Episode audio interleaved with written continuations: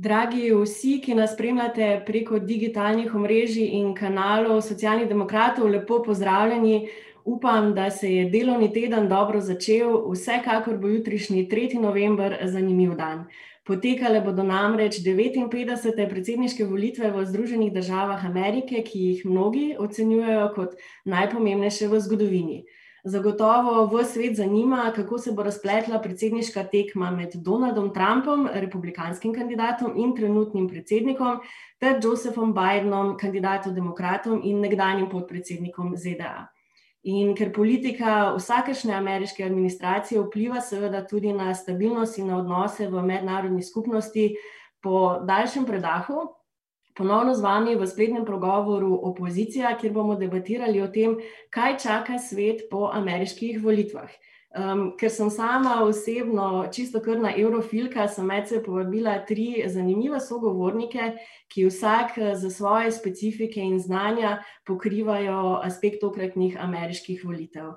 Pozdravljam Matjaža Nemca, podpredsednika socialnih demokratov, poslanca in danes v njegovi najbolj relevantni vlogi kot predsednika skupine prijateljstva za ZDA v državnem zboru doktor Janeja Štromarja, doktora ameriških študij na fakulteti za družbene vede, nekdanjega Fulbright štipendista, sicer pa navdušenca nad ameriško politiko in tudi ameriškim eh, nogometom. In za objektiven pogled, malo iz našega strankarskega mehurčka, sem povabila Nino Pejč, mlado raziskovalko na Centru za mednarodne odnose, ki se lahko pohvali tudi z nazivom MCM Top Potential 2020. Verjetno ste jo v teh tednih že slišali pokomentirati aktualno dogajanje, sicer pa se Nina v svojem uh, doktorskem delu posveča usponu Kitajske in razumevanju spremenjenih razmerij v mednarodni skupnosti. Hvala vsem trem, da ste se odzvali po vabilu. Še enkrat pa uh, lep pozdrav vsem, ki nas spremljate preko digitalnih omrežij. Le, uh, danes prvič tudi live preko portala 24ur.com ker vas želimo v debato čim bolje vključiti, vsekakor dobrodošli, da svoje vprašanja postavite kar v komentarje eh, samega dogodka. Tako ste lahko tudi novinari svoje vprašanja postavili naprej, ukolikor pa nas spremljate, pa vabljeni, da se vključite tudi tu v samo eh, razpravo. Pred začetkom same razprave. Pa sem za eh, manjšo popestritev današnje opozicije in za uvodni komentar uh, nekaj osebnih občutkov, mogoče pred eh, samimi predsedniškimi volitvami iz tako imenovane prve bojne linije, povabila eh, drago prijateljico Virginijo eh, Ramos Rios, vodjo kampanje Aleksandrijo Kasijo Cortez leta 2018. Če se spomnite, nas je obiskala v času lanskih evropskih volitev in je z nami delila predvsem izkušnje iz kampanje, s katero je Aleksandrija postala najmlajša izvoljena ženska v ameriški kongres. Pa si poglejmo. Hi, everyone.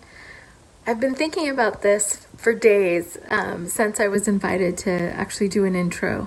I honestly am not sure what to say, so here goes. The elections here in the United States are like most elections. Most the people, I think, in terms of voting, there's definitely there's the emotional factor. As much as we might want to argue the issues and what makes sense to some of us, it's not really what people are reacting to or voting on. Um, I still have great hope that we will see a positive outcome. Um, though former Vice President Biden would not have been my first choice, I definitely see him as better than our current alternative since we have uh, essentially a dichotomy.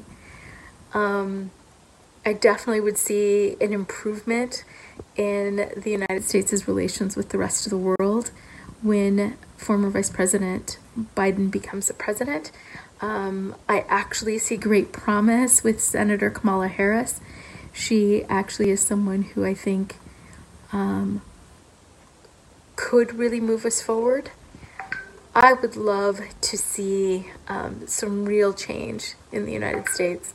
I know that the US Constitution may be the oldest, but I think that we could definitely do with some upgrades, such as getting rid of our electoral college. Um, and I'd actually love to see our Senate maybe go the way of the House of Lords and have our um, House of Representatives be more of the law enacting body. There's also the case with um, the most recent um, confirmation of our Supreme Court justice. Our Constitution actually doesn't say that we can only have nine Supreme Court justices. So, um, with a promising possibility of our Senate being Democratic, um, having a Democratic majority, maybe we might see that with along with a Democratic president of expanding the court. Um, there's so many things in flux and in change, and what gives me the most hope is the people that I'm seeing here that are actually out there encouraging people to vote. I have a number of friends who are out there in the rain today. And part of the reason was New York State, for the most part, folks feel fairly comfortable that the vote is going for Biden Harris. Um, but that said, we actually have a governor who does things in a way that is often similar to the current occupant of our White House. Um, he is much more eloquent in his speech, but can be just as dictatorial in the way he likes to run things. So um, they increased the number of votes required for the few additional parties we actually do have. And so my friends were out in the rain and the cold today, encouraging people to vote for Biden Harris on the Working Families Party line, which has really been the left leaning party um, with any sort of gravitas here in, in New York State. Um, we at this point aren't sure. There's so many people who've actually voted absentee across the country. Um, New York actually has a law in the books that we don't start counting absentee ballots until um, after the election. I think it's a week after. So, this is one of the reasons that our early voting, this is the first presidential election that we've had early voting, though a number of other states have had it for years um, is so critical because if we can get a mass of people to vote, so it far out, out, outpaces whatever's come in through the absentee ballots, then um, it's less uncertain what the outcome is of the vote in this state. It was really exciting. Um, the state of Hawaii actually already has um, exceeded the turnout for 2016.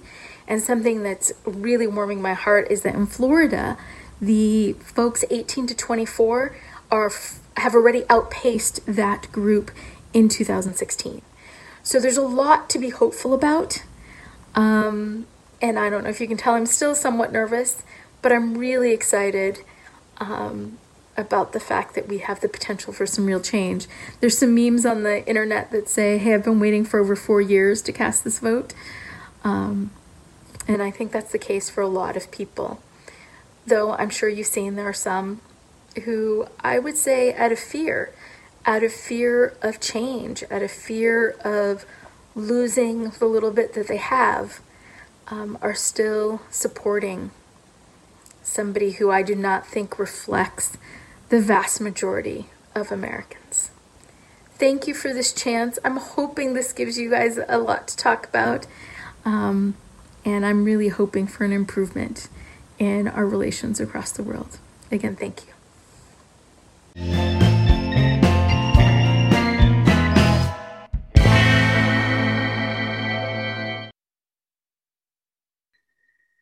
Um, spet smo nazaj. Mislim, da je primerno, preden se lotimo same kampanje, um, o kateri je govorila tudi uh, Virginija za 59. predsednika Združenih držav Amerike, da naredimo malo tudi bilance samega Trumpovega mandata. Uh, kot kandidat je Trump uh, na volitvah 2016 obljubljal veliko nagovarjal je dele ameriške družbe, tako imenovane demografske panike, tistega dela družbe, ki v bistvu se najbolj boji nekih neizogibnih družbenih eh, sprememb, za njih pogosto negativnih, eh, tako na področju neke etnične sestave, razrednega boja ali eh, položaja spolov. Napovedoval je prelom z dotedanjo prakso in tudi neko politiko svojih um, predhodnikov, in se predvsem za sloganom Naredimo Ameriko spet veliko, skliceval na neko veličastnejše obdobje ameriške preteklosti, v kateri pa vsaj del prebivalstva ni bil enakopraven niti na papirju, kaj še le v realnosti. Namesto tega, mogoče se bodo moji sogovorniki strinjali, bi si upali trditi, da smo bili priča predvsem štirim letom nekega zaostrovanja politične retorike, razpihovanja rasizma in povečevanja same neenakosti. Dohodkovna neenakost v ZDA je bila je najvišja v zadnjih petdesetih letih. Petdeset najbogatejših Američanov, kot primerjavo, ima več premoženja kot sto petinšestdeset milijonov najmanj premožnih Američanov, ne.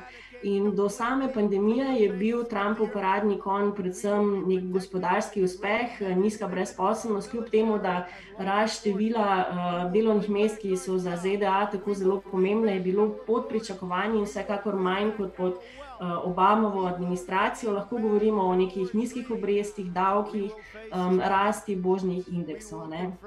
Ampak kriza je naredila svoje in izgubilo se je skoraj osem milijonov delovnih mest, nekih velikih učinkov pomoči v gospodarstvu, ki jih je pa Trump obljubljal že od marca, ni, a ne. Sami strukturni problemi v ZDA še vedno ostajajo in upali bi si trditi, da so še večji. Jernej, obračam se na tebe, na tvoj komentar, realno gledano bodo te volitve neki referendum o Trumpu, seveda močno zaznamovane s pandemijo covid, s kakšnim rezultatom Trump torej vstopa v vnovično tekmo za predsednika ZDA? Ja, en lep pozdrav vsem skupaj. Trump je na eni strani uspel zadovoljiti del svojih podpornikov, on se lahko pohvali s kar tremi novimi vrhovnimi sodniki, vsi zelo konzervativni, ki bodo tudi ogrozili morebitno legendarno sodbo Roe versus Wade, ki govori o svobodi odločanja, tako da to, kar danes spremljamo na Poljskem, ni daleč, da bi lahko spremljali tudi v ZDA. Na drugi strani se lahko pohvali, če lahko temu rečemo, pohvali z rekordnimi oziroma zelo visokimi davčnimi olajšavami, od katerih so pa seveda največjo korist, kot se za republikansko stranko očitno spodobi, imeli najpremožnejši. Tudi način, kako se je pa soočil s pandemijo, je pa najverjetneje eden večjih problemov oziroma debaklov, s katerimi se je sestal v svojem predsedovanju, ker temu izzivu preprosto osebnostno in pa tudi vsebinsko ni bil dorasel. Zdaj, sama si že omenila, kot posledica epidemije in napačnega odziva na to bo Donald Trump, veliki gospodarstvenik, kot se je rad predstavljal, prvi predsednik po zelo, zelo dolgem času, ki bo izgubil delovna mesta, se pravi, bo neto število delovnih mest manjše, kot je bilo, ko jih je prevzel. Predsednik Obama, ki se je v zadnjih tednih aktivno vključil v kampanjo, je povedal, da je Trump, tako kot vse, kar je podedoval v življenju, tudi dobro gospodarsko sliko in pozitivne trende, ki jih je podedoval od njega, uničil, tisto, na kar bi mogel biti pa pozoren, pa neustrezno se odzval, s tem je predvsem ciljal na odziv na covid, ki v teh trenutkih v določenih zveznih državah, med celo med tistimi, ki so v bistvu med najodločilnejšimi v teh trenutkih, dosega rekordne višave, med drugim pa tudi njegova zborovanja močno prispevajo k širitvi virusa covid-devetnajst v ZDA, tako da Trumpova bilanca bo zagotovo neko zanimivo obdobje v Združenih državah Amerike, če bo pa republikanska stranka na njo ponosna ali po teh volitvah ali pa čez štiri leta, se pa lahko kar vprašamo, po moje kar ne. Jernej, hvala lepa, zdaj se bom obrnila k Matjažu in Nini, gremo na ta bolj zunanji vidik politike, že uvodoma smo rekli, ne, da je vsaka politika oziroma politika vsakršne ameriške administracije kot največje gospodarske in vojaške sile vpliva tudi na smer, kam se bo obrnil preostali svet. Če pogledamo bilanco, ne, tako rekoč Trump ni sprožal nekih novih vojn, celo umikal je vojake iz nekaterih kriznih žarišč, je pa začel izjemno trgovinsko vojno s Kitajsko. Po drugi strani se je zbližal s severnokorejskim voditeljem Kim Jong Unom, odnosi ZDA z vsaj nekdaj rivalsko velesilo Rusijo pa so boljši, bi si upali trditi, kot z nekaterimi zavezniškimi državami. Zamajal je tradicionalne odnose, odstopil je od iranskega jedrskega sporazuma, spodkopal je prizadevanja za dogovor med Palestinci in Izraelci tudi s premikom veleposlaništva v Jeruzalemu, Združene narode je označil kot nekompetentne, nekako ruši in šibi multilateralizem, in transatlantske povezave, zadnja poteza je tudi ta, da bo odstopil od Svetovne zdravstvene organizacije. Um, Matjaš, obračam se na te, ta šibitev multilateralizma sigurno vpliva tudi na Slovenijo in širše Evropo. Smo le majhna država, ki se zanaša na te multilateralne forume, da ima v bistvu vem, naš glas vsaj enako težo kot glas drugih držav. Um, kako ti ocenjuješ, da je ta Trumpov mandat zaznamoval Evropo odnose in posledično seveda tudi uh, Slovenijo? V državah z predsedniškimi ureditvami velja rek, da ti postaneš predsednik, ki bo šel v zgodovini šele takrat, ko dobiš drugi mandat. Torej, zgodovina eh, se piše samo tistim in jih, jih priznava, ki dejansko lahko v Beli hiši in drugih, eh, bom rekel, predsedniških palačah preživijo več kot štiri leta. Ta, te, te volitve so prelomne, tako kot so bile prelomne pred štirimi leti. Namreč takrat eh, smo pod vtisom Eh, Brexita, ki so mu potem sledile mnoge volitve, eh, eh, tudi za predsedniškim sistemom. V prvi vrsti bi omenil, seveda, volitve v ZDA v prvi polovici novembra, so mu sledile potem še volitve tako na Nizozemskem in v Franciji. Takrat, če se dobro spomnite, smo se vsi oddahnili, ko je prevladal razum v nekaterih jedrnih evropskih državah, kjer je na nek način omejil porast populizma in nacionalizma. Tukaj govorim predvsem o porasti v Franciji. Spomnimo se, da Le Penova je bila zelo blizu zmage, takrat eh, še ne, je premagal jo eh, takrat neznani minister za gospodarstvo, to je eh, Manuel Macron.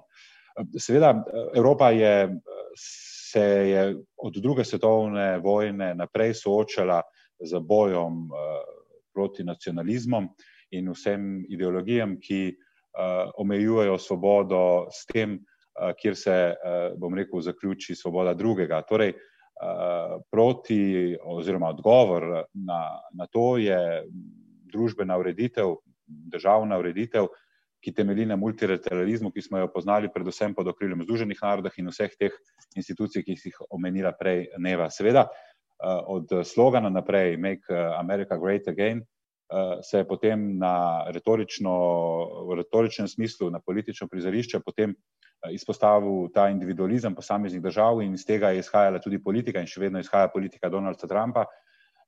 Gre za tako imenovani protekcionizem, ki seveda potem od konca hlade, hladne vojne, ko je Amerika na nek način, na Ameriki tako vojaško kot gospodarsko uspel, uspela ta prevlada, se danes Amerika zaradi takih odločitev sooča z globalnimi premiki, kot še ni nikdar videnim po drugi svetovni vojni. Seveda, dotika se v prvi vrsti tudi odnosov do Evropske unije in njenih držav članic.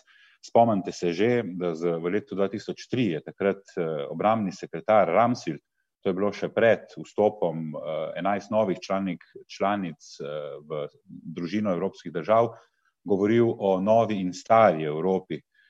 Potem so, so se rodile pobude, to v Trumpovem času, to je nadaljevanje te republikanske politike v odnosu do držav EU, se tako imenovano pobudo treh morij, kjer so skušali na nek način ustvarjati dialog, bolj intenziven z državami nekdanjega vzhodnega bloka, katerim so se pridružili tudi nekatere druge članice. Sveda, odnosi med EU in ZDA so zgodovinsko gledano so odvisne v obdobju eh, štirega letnega mandata Trumpa, pa še nikdar bile na tako pomembnem razpotju in na tako pomembni preizkušnji, pred tako pomembno preizkušnjo. Seveda, tukaj se naredi velik prostor in o tem bo verjetno Nina več govorila za nekatere, nekatere druge sile, kot so Kitajska, mogoče Rusija v vojaškem smislu in s tem tudi naš odnos in naša retorika do teh držav. Govorili bomo nek, nek, verjetno kasneje tudi v odnosu Republike Slovenije do politike Donalda Trumpa in seveda Jane Zajanša do te politike.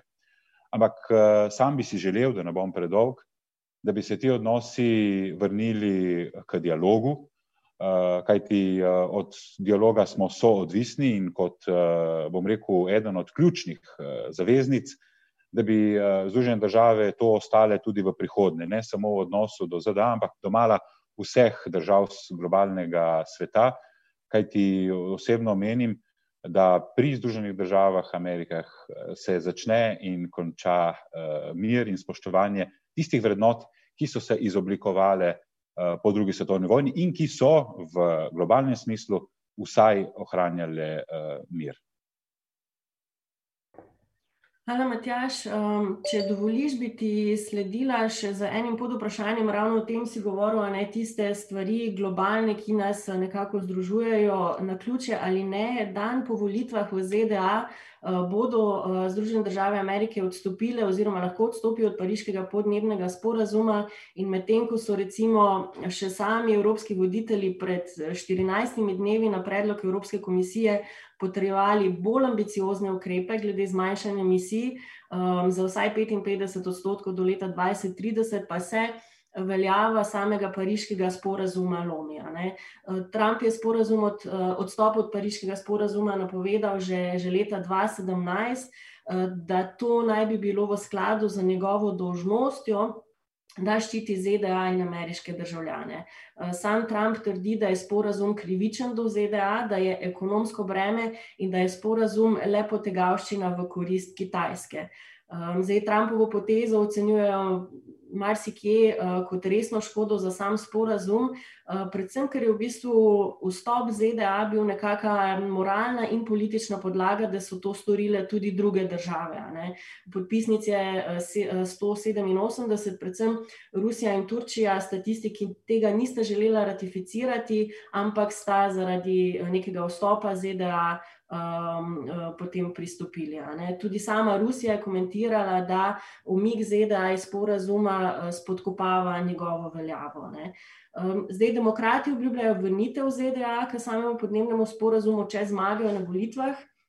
Mnogi sicer ocenjujejo, da tudi če bi zmagal Biden, ne, nekih samih velikih sprememb na področju zunanje politike naj ne bi bilo, ker je to politika administracije um, ameriške, ne, in predsednik kot one-man band uh, na to ne more vplivati, ampak ali bi lahko vseeno pričakovali več vključevanja ZDA v te mednarodne sporazume, bolj, več podarka na okoljski agendi, več podarka na demokraciji in človekovih pravicah.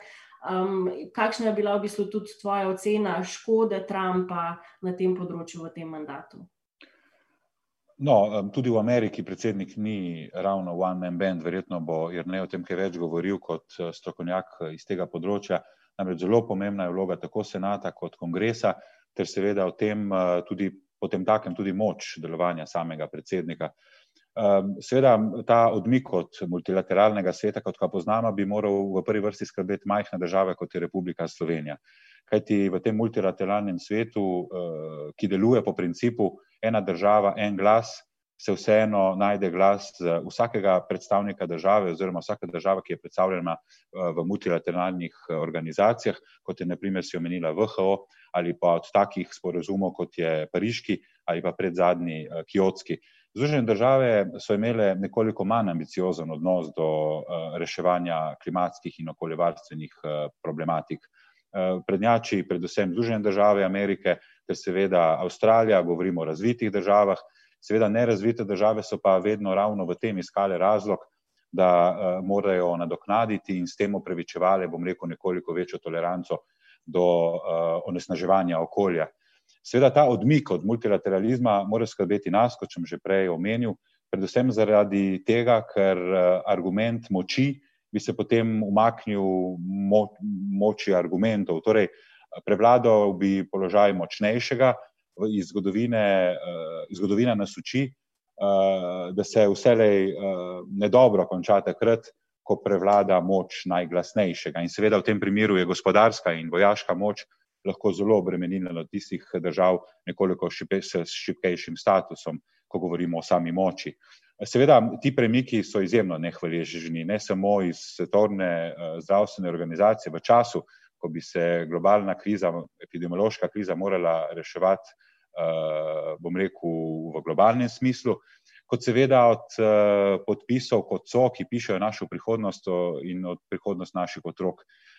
Seveda, Trump je človek, ki vse je zanemarjal ta vidik in jasno je njegov pogled in usmeritev nadaljnega delovanja njegove administracije, sam pa sem pa prepričan, vkolikor bi prevzeli ponovno vodenje Bele hiše in ameriške administracije, demokrati, da bi vseeno z mehko demokracijo, z tiho demokracijo in z neposredno demokracijo poskušala po svojih uh, najboljših močeh nekoliko umiriti, uh, bom rekel, globalne uh, strasti, uh, kajti žarišče preveč.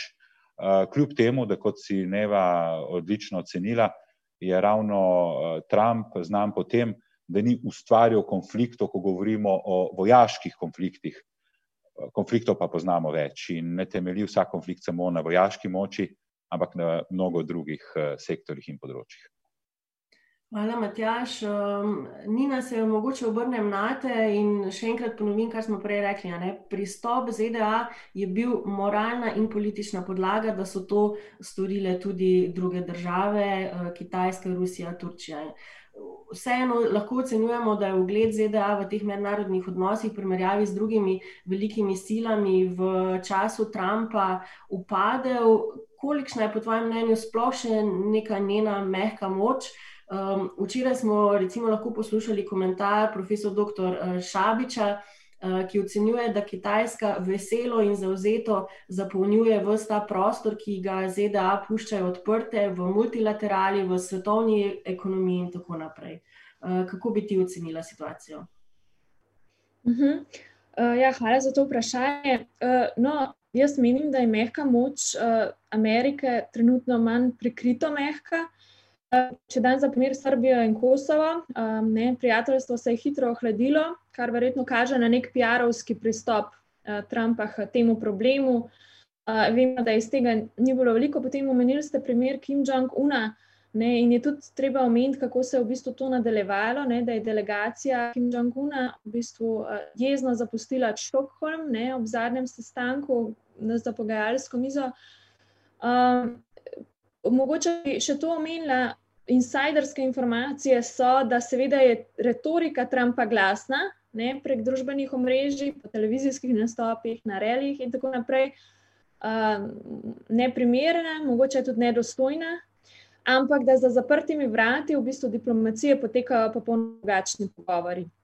In, v bistvu tukaj bi, bi mogoče se navezala na ta drugi del, ne, kako druge velesile zapolnjujejo ta prostor in kako uspešno, če že. Zdaj, šibenje tega multilateralizma, ki je, ki sta ga omenila sogovorca, je nekaj, kar naj bi de facto v modernem času, ne, glede na to, kako raziskovalci in mediji to opisujejo, delala Kitajska, ne.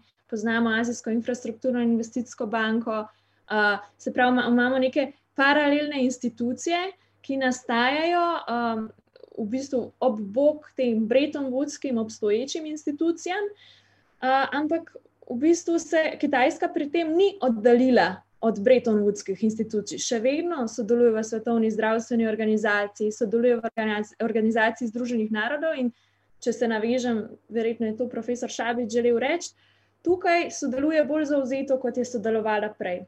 Hkrati z ustvarjanjem teh paralelnih institucij.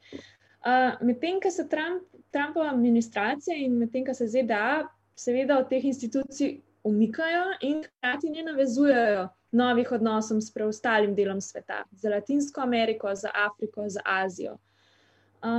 zdaj, ena izjema pri tem seveda so te, so države, članice Nata, ne, kjer so v bistvu, kjer je Nato v bistvu okrepilo na neki način, svoje delovanje in tudi retorika je v času Trumpove administracije precej bolj jasna, ne, Nata. ampak ja, v bistvu v Evropi sigurno ne moremo trditi, da je Kitajska zapolnila to vrzel, kvečjemu jo je Trump okrepil, ne, videli smo v bistvu, vsaj jaz spremljam pač to iz neke bolj kitajske perspektive, smo videli primer teh nekdanjih, nedavnih, odločitev v zvezi s Huaweijem v Evropi in tudi v Sloveniji, ne, ko je bil v bistvu Huawei podjetje, postavljeno na listo visokorizičnih proizvajalcev za tehnologijo petG. zdaj v Aziji, v Latinski Ameriki, v Afriki gre seveda Kitajski bolje, ne, tam je ta vrzel večja in se da hitreje zapolniti.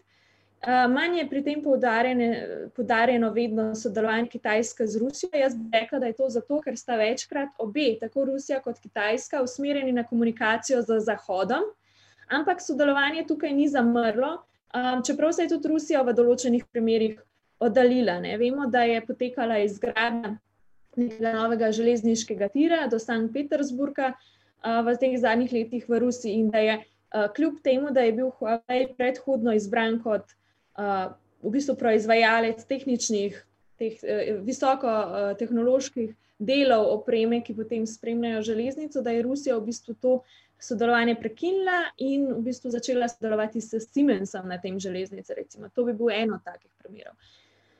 Uh, zdaj, Kitajska se zagotovo postavlja kot neka nova sila pri tej zeleni ekonomiji. Ne, to, um, prej ste omenjali podnebni sporazum. Če lahko tukaj dodam še svoje mnenje, ne, da če v bistvu sploh gledamo na to, da je podnebni sporazum do koga krivičen, je to iz neke perspektive razvojne, uh, mednarodnega razvoja. Uh, krivičen do držav v razvoju, ker tako ZDA kot Kitajska sta se v bistvu na umazanih industrijah razvili in okoristili in ne, prišli do statusa, prišli do statusa velike sile. Uh, no, to, da se Kitajska v bistvu na ta način postavlja, za me ni presenetljivo. Bila je eksperimentna v bistvu država za proizvodnjo Zahoda, leta in leta. Danes se recimo uči na, na področju podnebnih sprememb, zagotavljanja kvot za zeleno ekonomijo in tako naprej od Evropske komisije. Ne? Evropska komisija tja pošilja delegacije, ki potem v bistvu učijo Kitajsko, ne vem, kako uh, v bistvu na kakšen način dvigati, recimo, oglične, držati oglične kvote, na kakšen način uravnavati cementno industrijo, da bo v bistvu bolj energetsko varčna in tako naprej. Tako da v bistvu se učijo od Evropske unije, ne Evropska unija ne bi bila pri tem najnaprednejša. In uh, z veliko v bistvu skromnostjo na nek način um, to sprejemajo. Um, no, Mogoče, če bi še to dodala, da kar se tiče svetovne ekonomije, Kitajska se je lani prvič uh, opisala kot uh, lasnica največ patentov na svetu, tehnoloških, visokotehnoloških. Ne, če pogledamo mednarodni registr patentov iz leta 2019, in danes vsi sektori, od zavarovalničnega do um, bančnega in tako naprej, v bistvu ne spremljajo samo razvoja v ZDA, ampak jih spremljajo tudi na kitajskem. In to se mi zdi v bistvu največja taka um, zanimivost našega časa. Ne. Kitajska se je seveda s svojim delovanjem obrnila tudi na vzven, ne, za inicijativo Pas in Cesta, tudi za 17 plus 1. Zdaj, kolega pred mano je omenil inicijativo Treh mori, ki je konkurenčna inicijativa uh, forumu uh, 17 plus 1. In pri tem bi se mogoče morali vprašati, v bistvu, kaj Slovenija ne, v okviru vse, vsega tega multilateralizma dodaja k tem iniciativam. Ali imamo projekte znotraj teh inicijativ, na kakšen način se jih lotevamo, a, a, ne, a lahko skupaj naredimo kaj, kakšno dodano vrednost za regijo iz takšnih in drugačnih projektov. In seveda se pa pri tem treba tudi ne vprašati v bistvu o teh podobnih um, vrednotah, ki jih je omenil gospod Nemec. Zdaj, jaz bi se pri tem zelo na kratko, s tem bom tudi zaključila, navezala na svoj doktorat. Zdaj, zakaj? Čist slučajno mi je prišlo na misel, ko ste omenili iste vrednote. Jaz se pri svojem doktoratu ukvarjam z tem, kako je v bistvu velik, nekako na veliko silo gledamo, ko se uspenja. In to primerjam z usponom ZDA konec 19. in 20. stoletja kot državo, ki ne bi imela podobne razsvetljenske enote kot takratna Evropa. In izkaže se, da smo tudi v 19. konec 19. začetek 20. stoletja na ZDA gledali um, kot na zastrašujočo silo, ker smo takrat v Evropi živeli v dobi monarhij in kraljestev, um, medtem ko je Amerika seveda začela z demokratičnim političnim režimom. Tako da jaz mislim, da ta strah pred v bistvu vele silo vedno obstaja in iz tega ne, obstaja skozi zgodovino in iz tega ven se potem tudi politične spremembe dogajajo, kot je naprimer trenutna gospodarska vojna. Verjetno je treba na to ne gledati generalistično, ampak je treba te odnose na neki celostni sliki razumeti. Recimo, ni se poslabšal odnos med Kitajsko in ZDA, poslabšal se je tudi odnos med Kitajsko in Indijo. Letos smo prvič po 65 letih videli spopad na kitajsko-indijski meji. Ne, in zdaj, kaj to pomeni za mednarodne odnose, bomo videli v bistvu, kako se bo to z volitvami v torek spremenilo, bo zelo zanimivo opazovati. Nina, hvala lepa. Ja, definitivno uh, bo zanimivo spremljati. Že iz dosedanjega pogovora je več kot očitno, da so te volitve izjemno pomembne. Um, vsaka uh, izbira ponuja povsem različno prihodnjo pot, ki jo predstavljata na eni strani republikanski kandidat in aktualni predsednik Donald Trump, in na drugi strani um, demokratski kandidat in nekdani podpredsednik v času Obamove administracije Joe Biden. Um, mnogi niso navdušeni nad nobeno od um, izbir za uh, predsedniškega kandidata, in um, upam si trditi, da bo rezultat volitev ostal tesen do zadnjega. Uh, kljub temu ostaja neodločeni zgolj nekje 5% voljivcev, kar je veliko manj kot v prejšnjih samih volitvah. Um, in v predčasnih volitvah je do uh, teh dni glasovalo že 92 milijonov voljivcev, kar je uh, nekje 65 proti 70 odstotkov vseh, ki so vseh uh, volivk in voljivcev, ki so dali svoj glas na volitvah uh, leta 2016. Um, Jrnej, uh, ti si bil Fulbrightov štipendist v Ameriki v času prejšnjih volitev, če se ne motim, novembra 2016, ne, ko je bila še tekma Trump-Clinton. Uh, bil si na univerzi v Wisconsinu, na eni izmed teh um, držav, ki so Trumpu takrat prinesle to presenetljivo zmago, omenja se uh, poleg Wisconsina še Michigan in Pennsylvania. Um, v zadnjih dneh se v bistvu Trump eh, za svojo kampanjo vrača prav tja, da bi obdržal te voljivce in si zagotovil te elektronske glasove. Eh, povej mi, imaš kaj sočnih podrobnosti glede samih predsedniških debat, kaj kandidata v bistvu počneta v zadnjih izdihljajih kampanje, mogoče tudi katere so tiste uh, zvezdne države, ki lahko odločijo samo predsedniško tekmo oziroma uh, kateri predeli so tokrat odločilni. Ja, hvala, Neva. Lepo si opisala te tri zvezdne države, ki so pred štirimi leti tvorili tako imenovani modri zid, Blue Wall, ki naj bi obranil in zagotovil zmago Hillary Clinton, pa temu ni bilo tako. To so bili Pennsylvania, Michigan in pa Wisconsin. Vse so v bistvu se nagnile v korist predsednika Trumpa znotraj statistične napake za zelo nekaj odstotnih točk oziroma desetink odstotne točke. Bi se pa v bistvu vrnil nazaj na to, kar je Nina povedala. Poslabšal se ni odnos samo ZDA-Kitajska, poslabšal se tudi odnos ZDA-Evropa. Če smo svoj čas za predsednika ZDA pregovorno govorili, da je leader of the free world, zagotovo za Donalda Trumpa ne moremo trditi, da je to veljalo. Zdaj, uh, njegov odnos do Angela Merkel, ki je verjetno v nekih pogledih ta, ta vakum zapolnila v tem času, je zelo jasen in je povezan v bistvu s ponovno za tem modrim zidom, s tem Rust Belt, kot mu rečejo američani, in to obljubo, ki jo je Trump deval, da bo uh, pozabljenega človeka vrnil nazaj na njegovo mesto. Ne. Je spet povezano tako z globalizacijo, kot z shipping jobs overseas, oziroma tem outsourcingom ameriških industrijskih delovnih mest, prav na Kitajsko, o katerem je govorila. Trump je tukaj uspel.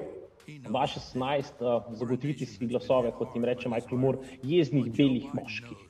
E, ti beli, jezni beli moški, praviloma nižje izobraženi, so tudi v anketah bili uh, na robe, 2016, na robe uh, povzročeni uh, in niso, ker anketari niso predvideli, da bo tako veliko odstopanje glede na uh, raso in pa njihovo izobrazbo, kot je pa na koncu bila. Zdaj trdijo, da so metodologijo za 2016 popravili, ali temu res tako bomo še videli. Zagotovo so pa to tri zvezdne države, ki jih bomo neverjetno pomembno videti, kako se bo odločili. Oba dva kandidata sta ogromno časa, denarja, energije vložila v te tri zvezdne države. Samo kot podatek, da imamo vedeti, da bo letošnja tekma za ameriške zvezdne volitve dvakrat dražja, kot je bila tista leta 2016. Dvakrat 14 milijard dolarjev bi se naj zapravilo v volitvah, tako za senat, kongres, kot za predsednika letos ZDA in vse ta denar se previloma, poleg senatnih tekem in kongresne, seveda v tiste tako imenovane swing states. Se pravi, na eni strani imamo te tri zvezdne države, ki so za nekaj, nekaj deset tisoč glasov praviloma nagnile se v korist predsednika Trumpa, Ankete vemo, kakšne so, ampak so bile 2016 to podobne. Metodologi sicer trdijo, da so prilagodili vzorce, a, tako kar se ruralnih glasov tiče, kot, kot so rekel prej, demografije, to bomo videli. In pa potem so tukaj še te tradicionalne Sunbelt države, ki tudi znajo pomagati oziroma odločiti tekmo. Severna Karolina, Florida, Arizona so tekme, ki jih bomo zagotovo spremljali. In pa tukaj je še a, velika bitka v Georgiji, kjer poleg a, predsedniške potekate še hkrati dve senatni tekmi, kar zelo močno vpliva tudi na bitki za senat, kjer demokrati rabijo ob zmagi predsednika, ob zmagi do predsednika Bidna tri, sicer pa štiri za večino in bo zagotovo zanimivo tudi to spremljati. Ni pa jasno, kdaj bomo te rezultate imeli. Zdaj, praviloma vemo, da se to zgodi z noči na volilni večer, v našem času z noči, storka na sredo, oziroma torek, sredo po noči v ZDA. Ali bo letos temu tako, je pa odvisno od tega, kako hitro bodo uspeli prešteti vse te glasove po pošti. In pa kakšna bo razlika? Zdaj, če se bomo nadevali majhno razliko, tako v posameznih zvezdnih državah, kot v številu elektronskih glasov, bo to trajalo, bo to dolgolet, zna tudi biti neka dolga sodna bitka, ki si nišče ne želi, da se konča na vrhovnem sodišču, ker tam so glasovi manj više že prešteti, glede na to, da so trije konzervativni sodniki, ki jih je imel Donald Trump šele pred časom zasedli svoje mesto. Na drugi strani pa lahko se zgodi, da bomo imeli rezultate relativno jasno, katera smer bo šlo že v volilni noči. Kako bo glasovala Florida, Severna Karolina, Arizona, Ohio, ti rezultati bodo hitri. Tudi Michigan in Wisconsin bi največino rezultatov javili že do naslednjega jutra.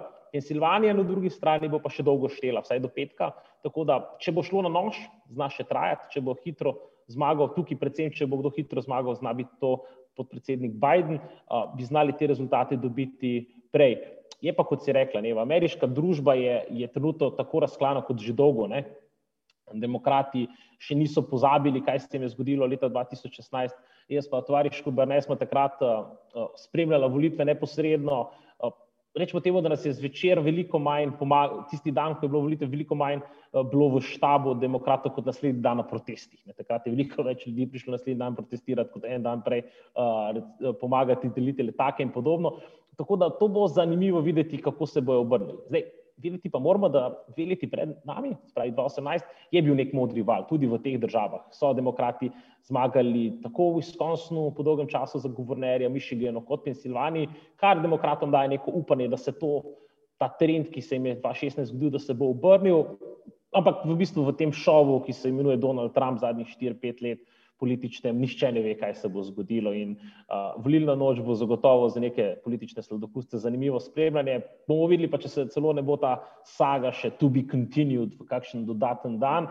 Uh, bi pa si trdil, da ni vse eno, ni vse eno, uh, kakšen bo rezultat. Ravno zaradi tega, kar sta prej kolega govorila, uh, nam zagotovo ni v interesu izstop Amerike iz podebne, Priškega podnebnega sporozuma, iz Svetovne zdravstvene organizacije, uh, odstop od iranskega jedrskega sporozuma. To so vse zadeve, ki tako ali drugače tudi vplivajo na naše življenje. Zato je še tako pomembno videti, kako se bodo tokrat odločile volilke in volilce v ZDA. Uh, Je pa zanimivo, ne, da smo mi zdaj štiri leta, vsi smo bili tako ponosni, oziroma določeni smo bili tako ponosni, če se bomo imeli pa slovenko v beli hiši. Ne. Morda si lahko priznamo ali pogotovimo, da je bil kar um, neuspeh slovenske diplomacije, ne glede na to, kar si mislimo o Donaldu Trumpu, ne, da pa obiska prve dame in pa njenega moža ali pa predsednika in njegove žene, kako želite, pa v tem času Slovenija ni doživela. Sicer slišim govorice, da če že, da bi pa se to znalo zgoditi v drugem mandatu, ampak uh, do takrat je še daleč. Hvala lepa, Jrnej. Um, o uspehih in neuspehih slovenske diplomacije se mogoče Matjaš obrnem na te. Uh, predsednik Janez Janša je v predsedniški kampanji odkrito podporil Donalda Trumpa. Um, na Twitterju zapisal je, da svet potrebuje močne ZDA in da v morebitni zmagi Bidna bi bil to eden najšipkejših predsednikov v zgodovini. Uh, Um, ali je to napaka nekega racionalnega razmišljanja o sami zonalni politiki, napaka slovenske diplomacije? Uh, bi si Slovenija, glede na našo pozicijo, do volitev morala privoščiti bolj neutralno pozicijo? Pošteno povedano, uh, vsaj ko govorimo o evropskem kontekstu, v kontekstu evropskih držav, uh, ni nič nenavadnega, če se med seboj, še posebej voditelji istih političnih družin, pred uh, volitvami podpirajo. Tako kot eh, je Rnej eh, omenil, gre pa za izjemno specifične in pomembne volitve v ZDA. Namreč eh, ne gre samo za prvovrstno politično vprašanje. V nadaljevanju se bomo spraševali, ali gre tudi za varnost ali pa celo pravno ali pa ustavno vprašanje kot morebitni epilog jutrišnjih volitev v ZDA. Pri odnosu do zaveznic in držav tretjega sveta pa je v navadi, da so voditelji evropskih in tujih držav nekoliko bolj zadržani. Um, iluzorno vam lahko omenim primer, najverjetneje ste ga bili deležni na televiziji, ko je Donald Trump eh, svojega dobrega prijatelja Benjamina Netanjahova, to je izraelski premijer, eh, s katerim sta skupaj krojila politiko zadnjih nekaj let, vsaj ko govorimo o bližnjem vzhodnem vprašanju, um, po telefonu prosil, Eh, naj se opredeli do uh, volitev v ZDA. Ta je diplomatsko odgovoril, da Izrael upa in si bo prizadeval za dobre meddržavne odnose, ne glede na to, kdo bo predsednik Združenih držav Amerike. Torej, govorimo o najtesnejši zaveznici na Bližnjem vzhodu ali pa obratno, ZDA, o, naj, bom rekel, o najbolj prijateljski državi na tem delu sveta, do katere se je premijer zelo previdno in diplomatsko opredelil. Takšna opredeljevanja, kot jih smo bili deležni v Sloveniji s strani predsednika vlade, so sila nenavadni, če ne že škodljiva. Samo nekaj tovrstnih primerov je v Evropski uniji, en tak, ki mi pade na primer, je predvsem Orban, ki se je izrekel neposredno v prid enega od dveh kandidatov. Seveda to lahko nosi določene posledice, seveda v primeru, ko bi Trump bil poražen ali pa če bi Trump dobil to tekmo.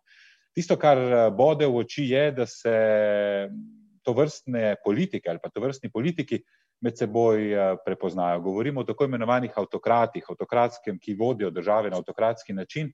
In jaz bi mogoče v danih okoliščinah premijeja Janša vprašal, kako bi zvenelo, če bi nekdo drug iz Slovenije tako odprtega duha, naprimer, podprl enega od ravno tako kontroverznih globalnih politikov, kot je recimo Vladimir Putin, na primer, samo kot primer.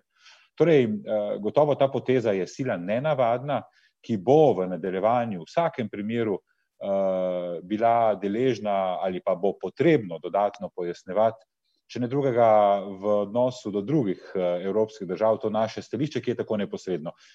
Samo po sebi pa še dodatno zbode predvsem zbadljivka, če ne rečem še kaj hujšega, na račun enega od kandidatov, torej v tem primeru Bidna, na račun izračuna predsednika vlade. Torej, na noben način si ne predstavljam, da bi lahko Janez Janša okrepil svoj odnos in dialog z Združenimi državami Amerike v primeru, da bi zmagala Bidnova administracija. Trumpova politika pa je izrazito individualna in je moč pričakovati v primeru, da bi Trump zmagal, da si bodo politiki, kot so na primer Vučić, Orban, Kančinski ali pa nekateri drugi samodržci, si lahko z roko v roki pomagali v prihajajočem štiriletnem obdobju, v kolikor bo Trump ostal v Beli hiši. Zato bi si le želel, in to je moje osebno mnenje, da temu ne bi bilo tako in da bi predvsem zaradi razdvojenosti, ki smo jo deležni danes v Združenih državah, kot je Jernej omenil prej, še nikdar v zgodovini tako ta narod ni bil razdeljen, zmagal Biden in k temu pripomogel ne samo k notranjemu ravnovesju, govorim o Združenih državah Amerike, ampak govorim tudi o globalnem ravnovesju, ki je ta tako nujno potreben v teh razgretih časih, pa ne samo zaradi, zaradi covida, ampak prav zaradi covida. Matjaž, hvala. Že prej smo nekako omenili v bistvu vso to komunikacijo, propagandni stroj Trumpove kampanje, njegov, del njegove strategije je uporaba Twitterja, in kar je bilo mogoče še včeraj v ZDA, je danes še posebej ali pa tudi v Sloveniji.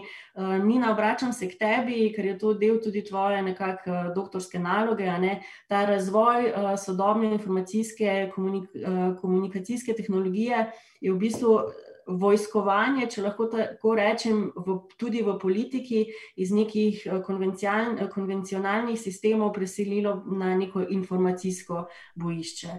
Mogoče tvoja ocena, kakšno vlogo ima tehnologija v samih volilnih kampanjah ali pa tudi pri oblikovanju javnega mnenja nasploh.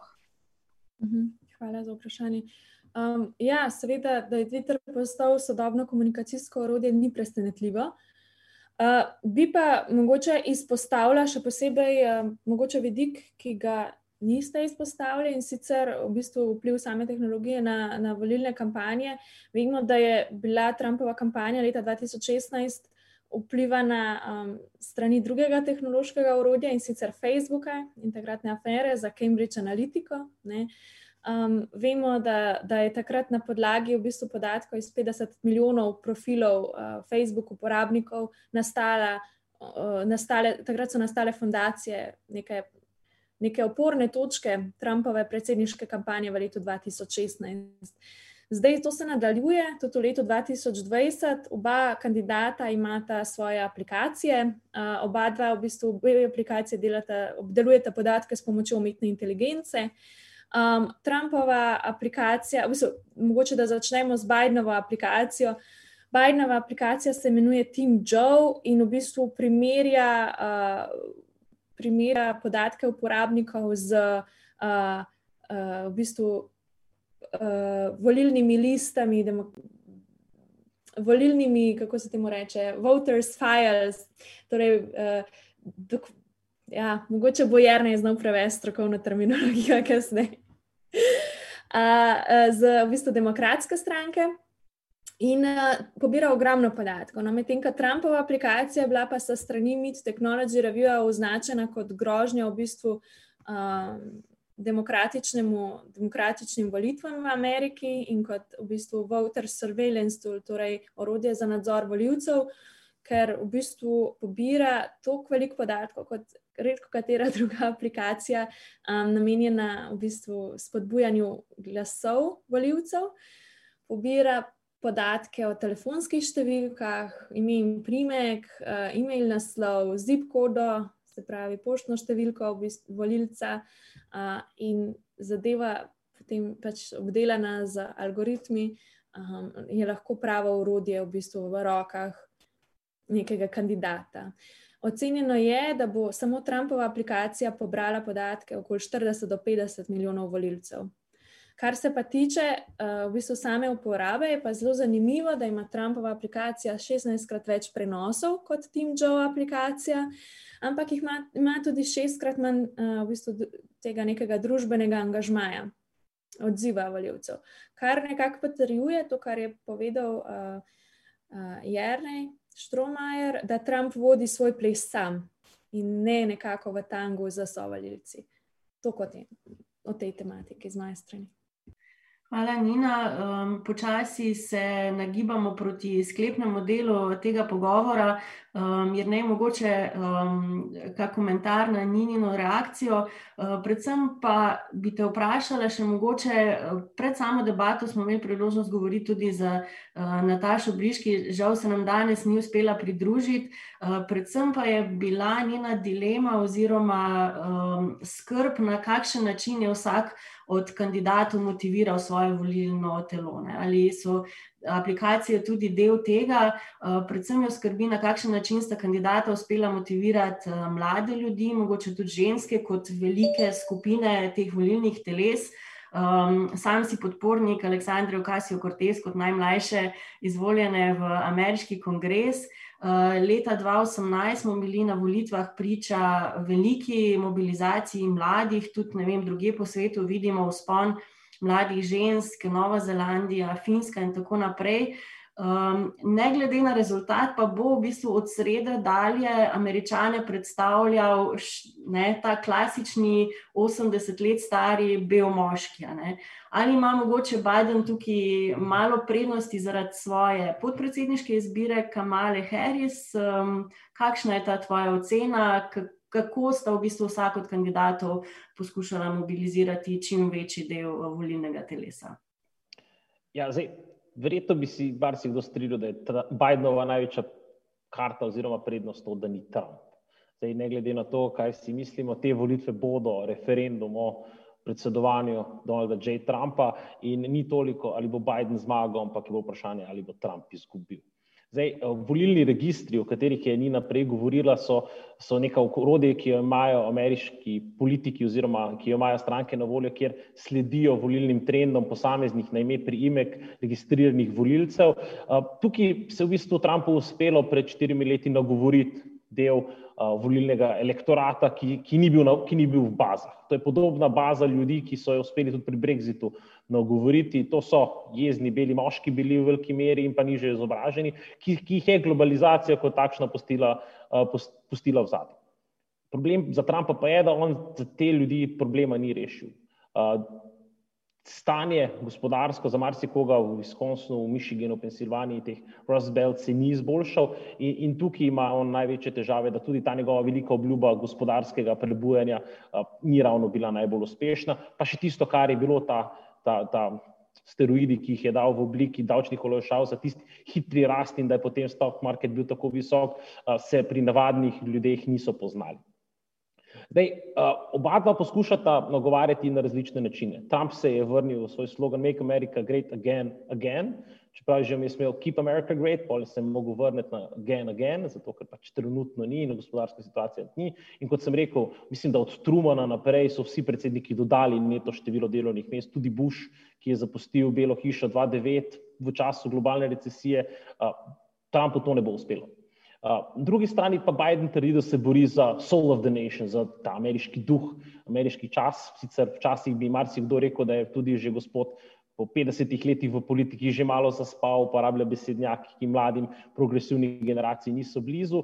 Uh, je pa res, da je našel neko zavezništvo ali pa neko koalicijo v tem, da ni Donald Trump. Tudi s temi ljudmi, Ocasio Cortez ga je podprla potem, ko je bil dogovor med njim in Bernieom Sandersom, tudi starejšim belim moškim, če smo že pri tem, dogovor, da ona vodi task force za pripravo politike na področju podnebnih sprememb.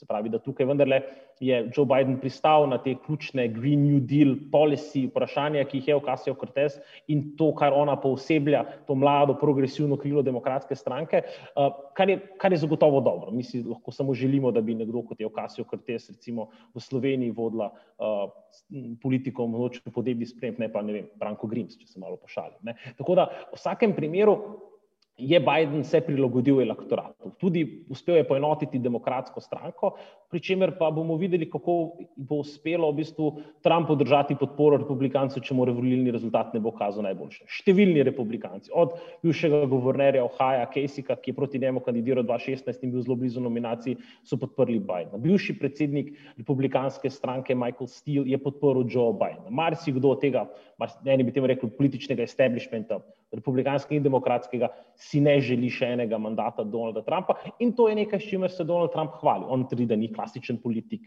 da je šel v politiko zaradi neuspešnih aktualnih politikov, sam pa se v bistvu zdaj, ko je imel veliki izziv v obliki koronavirusa, ki če bi ga uspešno znal obraniti in se ga rešiti, bi mu nedvomno veliko bolj koristilo kot ta neuspešen odziv. Tako da bodo te rezultati tudi del pandemije. In ne dvomim, da če bo prišlo do tega, da Donald Trump izgubi, da bo ta koronavirus glavni izgovor oziroma razlog, ki ga bo videl za svoj, za svoj poraz. Na drugi strani so se demokrati odločili za najbolj varno izbiro. Joe Biden je bil že skoraj na koncu za svojo nominacijo, potem ko je izgubil prve tri tekme nominac za nominacijo demokratsko, potem pa je po močnem vplivu tudi demokratskega establishmenta in umiku številnih kandidatov ostal sam z Berniem Sandersom. Demokratska stranka pa še ni bila pripravljena, vsaj v trenutnem stanju, ne, podpreti tako progresivnega, oni bi rekli demokratičnega socialista, v evropskih razmerah socialnega demokrata, ki se je potem seveda džentlmensko omaknil, potem ko je tako COVID kot v bistvu kazalo, da ne bo uspel in jasno podprl uh, Joe Bidena, tudi mu pomaga pri volilni kampanji. Tako da v bistvu tukaj imamo zdaj na terenu, če je Donald Trump one man band, on pa Michael Pence. Um, pa Melanijo, tu pa tam so zdaj uporabili v zadnjih tednih, v bistvu Joe Biden uporablja vse možno, uporablja Baracka Obama, uporablja, uporablja kot sem rekel, Mike Bernie Sandersa, Ocasio Cortez pomagajo na terenu, ljudje iz New Yorka hodijo v Pensilvanijo pomagati trgati po vratih. Tako da demokrate je res strah še enega mandata. Donalda Trumpa, ker so pripričani, da bo irrezibilno spremenil ZDA. Se, ko vidimo, kakšne ljudi, ki z orožjem strašijo, da demokrati ne morejo imeti uh, dogodka v Teksasu, uh, pa ko vidimo tiste konfederativne zastave in pohode ob baklah, uh, belih supermacistov si, si zagotovo nišče ne želi takšnih združenih držav Amerike. Tako da uh, bomo videli, kaj bo jutrišnji volilni torek prinesel. Upajmo, da že jutri dobimo jasen rezultat. Uh, zadnja stvar, ki si jo ZDA želijo, je, je, je nek nejasen rezultat, ki bi potem bil odvisen od sodišča. Ker če boste pogledali številne trgovine, legendarni Macy's v New Yorku, številni hoteli v Washington DC-ju so se že z lesenimi eh, paletami zagradili oziroma zagrajujejo svoje vhode, ker jih je strah takšnih ali drugačnih nemirov, če bo zadeva, ne rečemo temu volilno problematična, ampak če ne bo jasna in bo prišlo do nekih protestov ali upora. Tako da tega si nišče ne želi, ker nestabilnih združenih držav Amerike še bolj ali pa rečemo temu nekontroliranega volilnega procesa in tudi morebitnega prenosa oblasti uh, si nišče v resnici ne predstavlja in ne želi.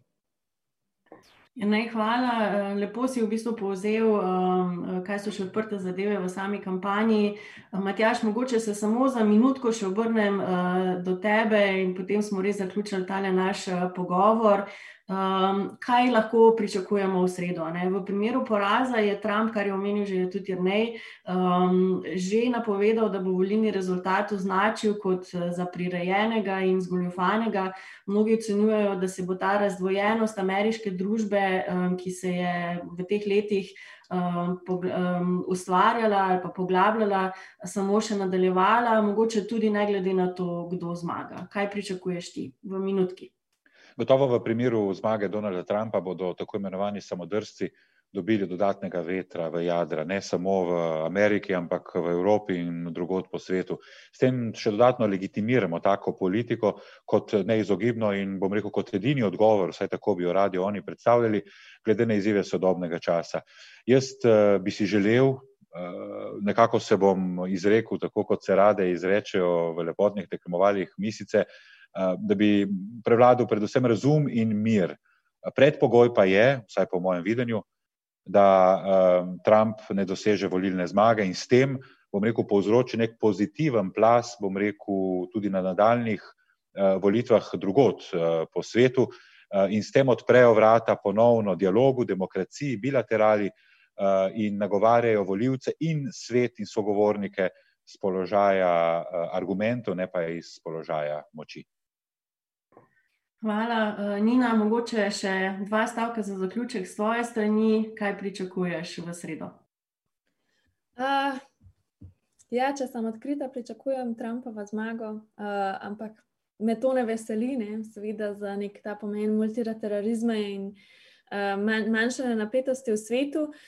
Um, zdaj, kakorkoli to, kar sem jaz komentirala, je bil odnos z ostalimi silami, pa menim, da v bistvu ne ne bo velike spremembe v samem odnosu. Mogoče se bodo nekatere napetosti umirile in bi se s Trumpovo administracijo še stopnjevale, ne, v primeru, torej umirile bi se s Trumpovo zmago, ampak um, nekako menim v bistvu, da se odnosi nikakor ne bodo otoplili precej v prihodnosti. Dobro, Nina, hvala. Je ne še tvojih 50 eh, centov, če temu rečemo. E, ja, jaz se upam, da se ni na svoji napovedi moti, bi si pa upal trditi, da bo ne glede na to, kdo bo Belo hišo zasedal naslednja štiri leta tega obdobja republikanske stranke prej ali slej sram. Vse kot recimo pravi najljubši citat Martina Luthera Kinga od bivšega predsednika Obame, moralni lok vesolja je dolg, a se nagiba k pravičnosti. Ne, hvala. Eh, hvala vsem trem mojim sogovornikom. Vsekakor je jasno, da je na kocki jutrišnjih volitev veliko več kot zgolj zmaga enega ali drugega predsedniškega kandidata. Kdorkoli že zmaga, bo postavljen pred izziv vodenja države v pandemiji, recesiji in tudi družbeni razdeljenosti. Eh, tako Amerika kot cel svet sta na nekem razpotju. Jutri bomo z velikim zanimanjem spremljali razplet 59 eh, predsedniških volitev v Združenih državah Amerike. Nekateri najbolj zagreti med nami bomo tekmo spremljali po noči v živo. Um, zato nam vsem nam želim eh, predvsem mirno noč, um, ostalim pa, da se uh, zbudite v lepše jutro. Z vami smo bili Nina Pejč, Matjaš Nemec, dr. Inej Štromar in Neva Grašič. Najlepša hvala vsem za vašo družbo, za debato in lepo zdrav do naslednjič. Naprej, podcast socialne demokracije za napredne spremembe.